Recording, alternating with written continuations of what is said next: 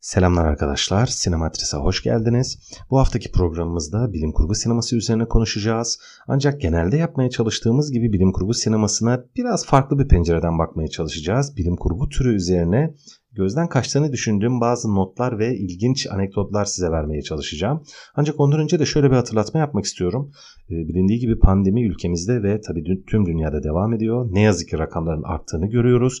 Bundan dolayı başka birçok mecra gibi hemen hemen hatta her mecra gibi sinemada bundan nasibini alıyor. O nedenle bu sohbetlerimiz böyle çok popüler olamıyor çünkü güncel gelişme fazla yok sinemada. Hatta e, merakla beklediğimiz birçok filmin de gösterim tarihlerinin ne yazık ki ertelendiğini görüyoruz. O nedenle bir süre daha sohbetlerimiz biraz daha böyle genel, biraz sinema tarihi üzerine, biraz akımlar üzerine, bazı yönetmenler üzerine ya da bazı türler üzerine olacak. Bir süre daha böyle devam edeceğiz gibi görünüyor. Güncel gelişmeler olursa tabii ki memnuniyetle onları da sohbet konusu edeceğiz. Şimdi bilim kurgu sineması üzerine önce şöyle kaba bir tanımlama ve bir giriş yapayım. E, bilim kurgu sineması hemen hemen hepimizin bildiği gibi çoğunlukla bilimsel gelişmeleri ya da bilimsel öngörüleri odağa alarak çeşitli hikayeleri konu edinen türe deniyor kabaca. Ancak e, o kadar basit değil çünkü bilim kurgu aslında sinemadan da çok daha eski bir tür. Edebiyatta da çok değerli bilim kurgu eserleri var. Sinemanın daha keşfinden önce yazılmış ve bunun yanında bilim kurgu aynı zamanda oldukça fazla alt tür içeren de bir ana tür aslında. Çok kısaca onları belirteyim çünkü özellikle spesifik olarak en az e, örneği olan ve en az bilinen türlerin bir tanesine biraz daha fazla odaklanacağım. Şöyle ki şimdi ilk akla gelen e, bilim kurgu filmi nedir acaba diye sorsam muhtemelen birçok sinema sever arkadaşımız farklı cevaplar verecektir ama biz birkaç tane önemli bilim kurgu filminden örnek verelim ve onların hangi türlere girdiğini söyleyelim. Örneğin Star Wars. Star Wars tam olarak bir uzay operası arkadaşlar ve uzay operası da bilim kurgunun önemli alt türlerinden bir tanesi. Biraz işin fantazi tarafına kaçan, daha çok serüvene odaklanan, e, birden çok karakter, birden çok mekan, birden çok macera, birden çok öyküyü bir arada barındıran, büyük ölçekli, yüksek ölçekli, çoğunlukla hem bütçe olarak hem de öykünün içerdikleri olarak ölçekli olan bir tür. Bilimsel gelişmelerden çok fantazi dünyasına, insanın hayal gücüne hitap eden bir tür. Dediğim gibi Star Wars bunun en güzel örneklerinden bir tanesi. Star Trek örneğin başka bir örnek. Hemen bunun biraz zıttı bir örnek vereyim. Cyberpunk mesela. Cyberpunk bilim kurgu daha çok yakın geleceği anlatan bilgisayar ve makine teknolojilerinin e, insan hayatı ve dünya üzerine olası etkilerinden bahseden bir tür. Terminator, Matrix ya da başlangıç filmlerinden bir tanesi olan çok eski diyebileceğimiz Metropolis ya da Stanley Kubrick'in Kim Uzay Macerası filmi bunun örnekleri sayı olarak sayılabilir. Onun dışında steampunk diye bir türü var mesela az bilinen türlerden bir tanesi. Steampunk daha çok alternatif tarih bilim kurgusu olarak geçiyor arkadaşlar. Böyle tanımlanabiliyor. Çok basit bir imge ve örnek vereyim. Hemen steampunk'ın ne olduğunu anlarsınız. Örneğin buharla çalışan bir robot düşünün. Tam olarak bu steampunk anlamına gelir. Ne demek bu? Geçmişte süre giden aslında yani geçmiş teknolojileriyle geçmişteki imgelerle süre giden ancak o gün için de fantastik ya da bilim kurgusal olarak kabul edilebilecek imgeler ve öyküler barındıran türe, filmlere biz steampunk diyoruz.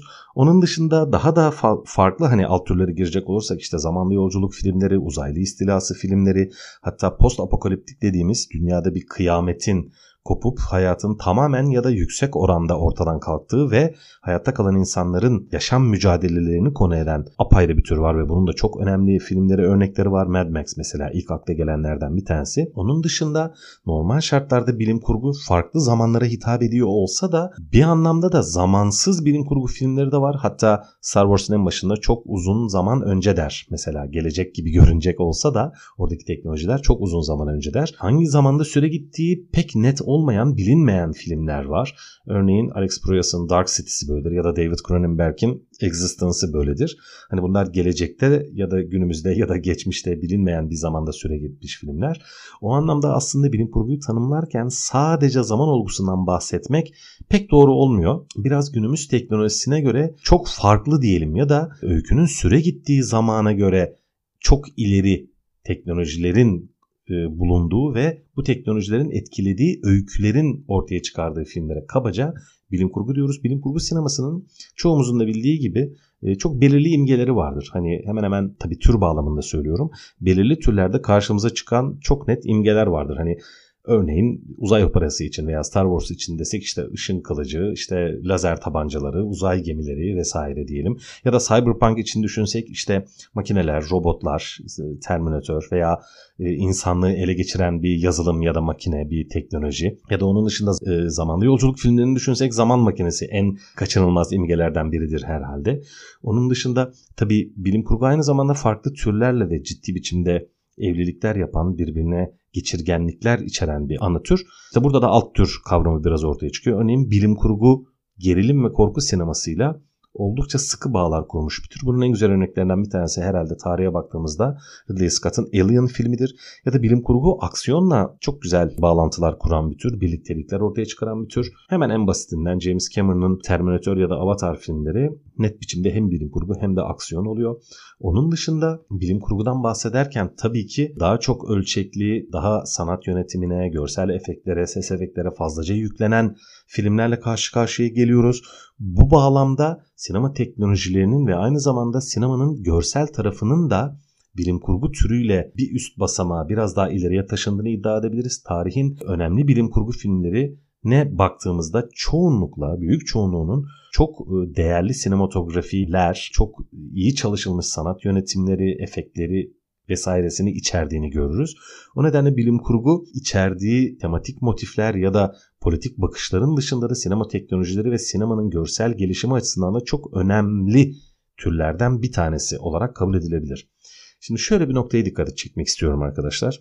Sinema 1895'te ortaya çıkmıştı. Daha önce bahsettiğimiz gibi Lumière kardeşlerin. Ondan sonra kurmaca sinemayı ilk kez yapan da George Méliès'di. Fransız illüzyonist. George Méliès çeşitli kaynaklara göre 500 küsür civarında film yapmıştı ve bunların arasında bilim kurgu var arkadaşlar. Şimdi tabii ki o zamanın olanaklarıyla yapılan bilim kurgular bugün için biraz amatörce ve ikna edicilikten uzak gelecek olsa da bu noktada bir parantez açmak istiyorum ve bir vurgu yapmak istiyorum. Evet bize biraz belki amatörce ya da ikna edicilikten uzak geliyor ancak bu nokta zaten bilim kurgu sinemasının günümüzün gelişmiş teknolojileriyle gün, günümüzün içerisinde bugün yaşadığımız teknolojilerle bağlantılarını göz önüne alırsak bilim kurgunun sinema tarihi içerisinde çok özel bir konuma sahip olduğunu görüyoruz arkadaşlar. Çünkü sinemanın bugüne kadarki tarihinde yapılmış bilim kurgu filmlerinin büyük çoğunluğu şu an içerisinde yaşadığımız dönemde geçiyor. Bu açıdan bilim kurgu sineması çok büyük bir farklılık arz ediyor arkadaşlar. Düşünün ki 1950 yılında çekilmiş bir korku filmi ya da bir drama diyelim ya da 1970 yılında çekilmiş bir suç öyküsü ya da 1940 yılında çekilmiş bir film noir, bir kara film ya da bir komedi filmi belki günümüz sinema severlerine hala hitap ediyor olabilir. Siz bugün Billy Wilder filmi izlediniz ya da bir Frank Capra filmi izlediğinizde ya da bir Godfather'ı izlediğinizde ya da bir Geleceğe Dönüşü izlediğinizde aynı hissi alıyor musunuz Geleceğe Dönüşte? Geleceğe Dönüşte Marty McFly 2015 yılında geliyordu. Günümüz için 5 yıl öncesine. Arkadaşlar uça, uçan araba gören var mı ya da uçan kaykay gören var mı? Hayır. Blade Runner filmi sinema tarihinin en büyük bilim kurgu filmlerinden Cyberpunk'ın sinemadaki ilk örneği 2019 yılına geçiyordu.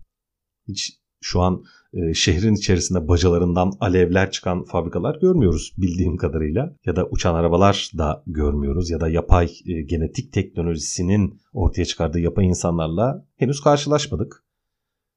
E demek ki burada bir farklılık var. Bilim kurgu sineması arkadaşlar az önce bahsettiğim alt türlerden biri var. Lütfen hatırlayın. Steampunk dediğim alt tür. Alternatif tarih bilim kurgusu dedim ya biraz. Arkadaşlar bir zamanlar bilim kurgunun başka bir türünde ya da merkezinde yapılmış, çekilmiş bir film. O amaç gözeterek yapılmış bir film. Günümüz için bir steampunk'a dönüşmüş durumda bir alternatif tarih bilim kurgusuna dönüşmüş durumda. Çünkü günümüzde biz sinemanın geçmiş dönemlerine yapılmış bilim kurgu filmlerinin süre gittiği dönemleri yaşıyoruz. Ancak o filmlerin hemen hemen hepsinin gerçekten bu biraz acı aslında ancak bir gerçek hemen hemen hepsinin yanıldığını görüyoruz. Birçok açıdan yanıldıklarını görüyoruz. Elbette doğru tespitleri de vardır bilim kurgu sinemasının örneklerinin özellikle değerli örneklerinin ancak yüksek oranda da yanıldıklarını görüyoruz. Örneğin şöyle ilginç bir tespitte bulunmak isterim. Aslında bu biraz normal ama yine bana ilginç geliyor. Belki size de ilginç gelir.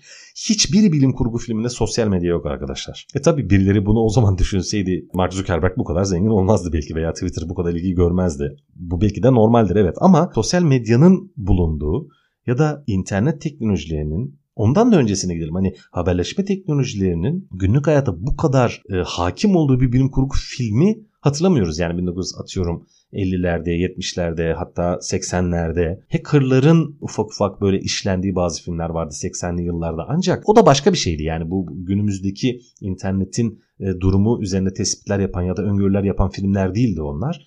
Ancak hani tekrar edeyim gerçekten tarihteki hiçbir bilim kurgu filminde sosyal medya ya da benzeri ya da benzeri bir şey olduğunu görmüyoruz örneğin. Onun dışında bugünlerde süre giden, geçmişte yapılıp bugünlerde süre gittiği söylenen bilim kurgu filmlerinde dediğim gibi ne çevremizde tight giyen insanlar var, ne uçan arabalar var, işte ne uçan kaykaylar var. Hadi ışın kılıçlarını, lazer tabancalarını saymayacağım. Hani o dediğim gibi uzay operası biraz daha fantastik bir türdür. Ancak geçmişteki bilim kurgu filmlerinin e, o zaman için başarılı olan hani sinematografik anlamda günümüz için de başarılı olarak kabul edilebilir. Bu açıdan eleştirmiyorum türü ancak gelecek öngörüsü açısından gerçekten çok ciddi biçimde çuvalladıklarını görüyoruz. Bu konuda yapacak bir şey de yok. Bu da ortaya şöyle bir durum çıkarıyor. E, normal şartlarda bu filmleri zamanında yapan sinemacılar bilim kurgunun parlak ve ilerici örnekleri olarak icra etmişlerken ya da sinema severler bilim kurgu filmlerini geleceği betimleyen, geleceği anlatan ya da gelecek üzerine sağlam tespitler içeren filmler olarak izlemişlerdi o zaman için. Ancak günümüzde o filmlerin neredeyse bu açıdan hiçbir anlamı yok. Ya da çok az anlamı var diyelim. Hani hiçbir anlamı yok demeyeyim ama hani çünkü öngörülerin büyük çoğunluğunu biz şu an yaşıyor olmamız lazım normalde. Ancak öyle bir durum söz konusu değil. Örneğin başka gezegenlere gitmek ya da uzaydaki yaşam, uzaylılar. Şimdi bu zaten çok da hani zamana endeksli bir alt tür sayılmaz. Hani uzaylı istilası filmleri ya da uzaylılarla e, diyalog kurulan filmler. Bunun bir zamanı yok normal şartlarda. Örneğin bu alt türden bahsedince benim aklıma ilk gelen filmlerden bir tanesi Robert Zemeckis'in Mesaj filmi, The Contact filmi. Birçoğunuz izlemişsinizdir eminim. Çok da iyi bir filmdir. Mesela o filmin hangi yılda geçtiği çok önemli değil. Hani yeter ki uzaya anten uzatabileceğimiz ya da bir çanak tutabileceğimiz teknoloji olsun. İster 1990'lar olsun, 2020'ler olsun ya da 2050'ler olsun çok fark etmeyecektir. Ancak mesela o bir bilim kurgu filmiydi. O gün için yüksek teknolojilerin kullanıldığı bir filmdi elbette o gün için. Ancak günümüz için o bilgisayarlar yani işte Windows 95 falan böyle floppy disk, disketler falan ne kadar da ilkel duruyor değil mi? O filmi bilim kurgu filmi gibi bakmak günümüz için pek de mümkün değil ya da hatta belki geleceğe dönüşe bile geleceğe dönüş mesela çoğumuz çok severiz. Bilim kurgu tarihinin nadir komedi serüven aksiyon bilim kurgu böyle birkaç türü bir arada barındıran çok güzel temalarla işlenmiş harika bir filmdir. Sevmeyenimiz yoktur herhalde. Ancak bugün için mesela geleceğe dönüşü bir bilim kurgu filmi olarak izlemek gerçekten çok güç. 90'larda yapılmış cyberpunklar var. Örneğin benim ilk aklıma gelen örneklerden bir tanesi Keanu Reeves'in oynadığı Johnny Mnemonic filmi vardı. Ya orada baya böyle yeşil ekranlı bilgisi hani insan hafızasına bilgi yükleyebiliyorsunuz beynine. Baya böyle Matrix'teki gibi enseden ya da başın bir bölgesinden içeri bir giriş böyle bir e, kulaklık girişi gibi bir girişle insanın beynine herhangi bir veriyi, bilgiyi yükleyebiliyorsunuz. Ancak dediğim gibi filmde yeşil ekranlı bilgisayarlar var. Şimdi burada bir tutarsızlık oluyor. Yani o filmi o gün izleyen insanlar başkaydı. Yani o filme bakışları başkaydı. Bizim o filmlere bakışımız başka. Az önce belirtmeye çalıştığım gibi diğer türler için bu söz konusu değil. 1950 yılında yapılmış bir komedi yani bugün izleyicisine çok komik gelmeyebilir ama o hala bir komedi filmidir ya da hala bir dramdır. Atıyorum çok sevdiği bir insanı kaybeden bir insanın dramının zamanı yoktur. Yani ister tarih öncesinde geçsin, tarihsel film olsun, isterse günümüzde geçsin, isterse gelecekte geçsin fark etmez. Onun türü ve hatta alt türü hemen hemen aynıdır. Aile dramı diyebiliriz, bir savaş dramı diyebiliriz, karakter dramı diyebiliriz ya da biraz daha böyle entelektüel içerikli filmleri düşünürsek e, düşünsel meseleler çoğu zaman bir zamanı olmayan öykülerdir bunlar çoğunlukla. Ancak yine az önce söylemeye çalıştığım gibi bilim kurgu türü işin görseline, sinemanın görseline, sinemanın sanat yönetimine, efektine, kamera kullanımına fazla sırtını dayayan bir tür olduğu için belirli imgelerle yola çıktığı için yani işte zaman makinesinden tutun da robottan geçin de uzay gemisinden yola çıkın da mesela yolculuğa çıkın da başka bir gezegene doğru. E, bunlar çok önemli bilim kurgu türünde.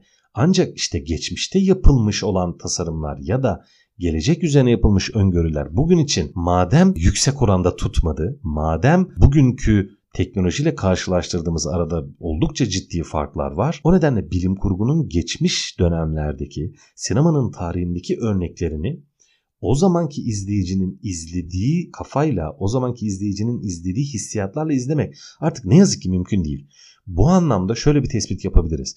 Sinema tarihi çok farklı türleri farklı dönemlere başyapıt olarak taşıyabiliyorsa bilim kurgu için aynı şeyi yapamıyor arkadaşlar. En azından gerçek hayatla ilişki açısından şöyle düşünelim. Dediğim gibi sadece hani Blade Runner'da uçan araba vardı da bugün yok. Bu Blade Runner'ı kötü mü yapar? Hayır tabii ki bunu kastetmiyorum. Ancak e, madem Blade Runner filmi örneğin genetik teknolojilerinin ortaya yapay insanlar çıkarmasından yola çıkarak insanın ne olup olmadığı, insanın neyin ortaya çıkarıp çıkarmadığı sorusunu inceleyen bir filmdi. Günümüzde buna dair bir soru hiç görmüyoruz ama film günümüzde geçiyor. İşte bu kopukluk ve bu ikna edici olmama demeyeyim. Dediğim gibi o günler için belki ikna ediciydi bunlar ama günümüzde bilim kurgu filmlerinde gördüğümüz temaları, imgeleri, teknolojileri görmüyor olmak o filmleri biraz daha hani e, yapıldıkları dönem için gelecek olsa da bugün için daha geçmişte olmuş olaylar gibi ya da hani geçmişte olmuş demeyelim de geçmişte yapılmış film olduklarını gizleyememeleri üzerine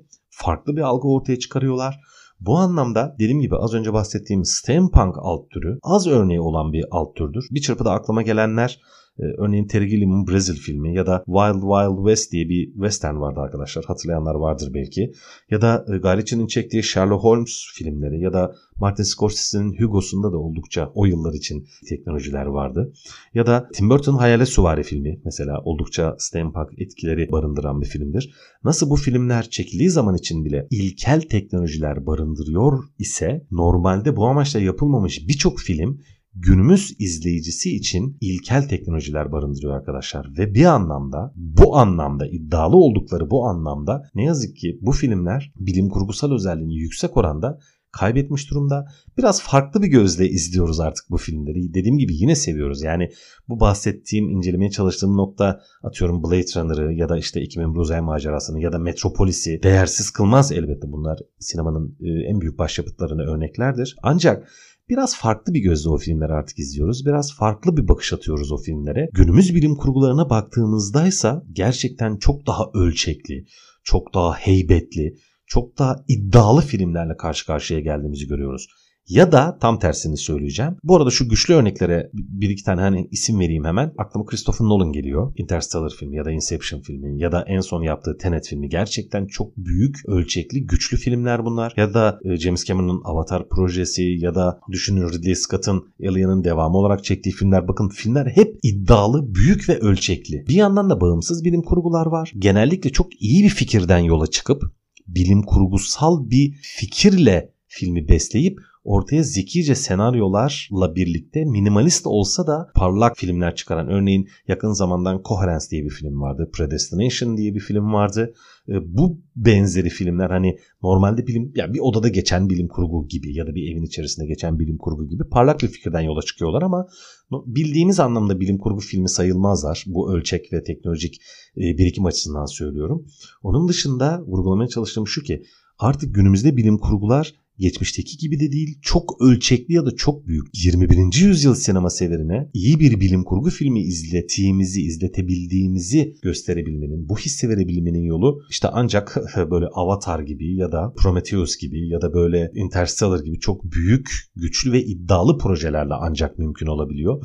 O nedenle artık eski bilim kurguları yapıldıkları dönemdeki kafayla izleyemiyorsak e, günümüz bilim kurgu sinemasından da bugüne kadar verilerin çok daha fazlasını beklediğimiz gerçeğiyle karşı karşıyayız ne yazık ki arkadaşlar. Ya da belki de iyi ki diyorum. Çünkü e, bilim kurgu yapmak isteyen sinemacıyı gerçekten çok ciddi ve birikimli bir bilim kurgu sever kitlesi bekliyor. Bilim kurgu sinemacılarının işi gerçekten zor. Evet beni dinlediğiniz için çok teşekkür ederim. Diğer programda görüşmek üzere. Herkese sevgiler.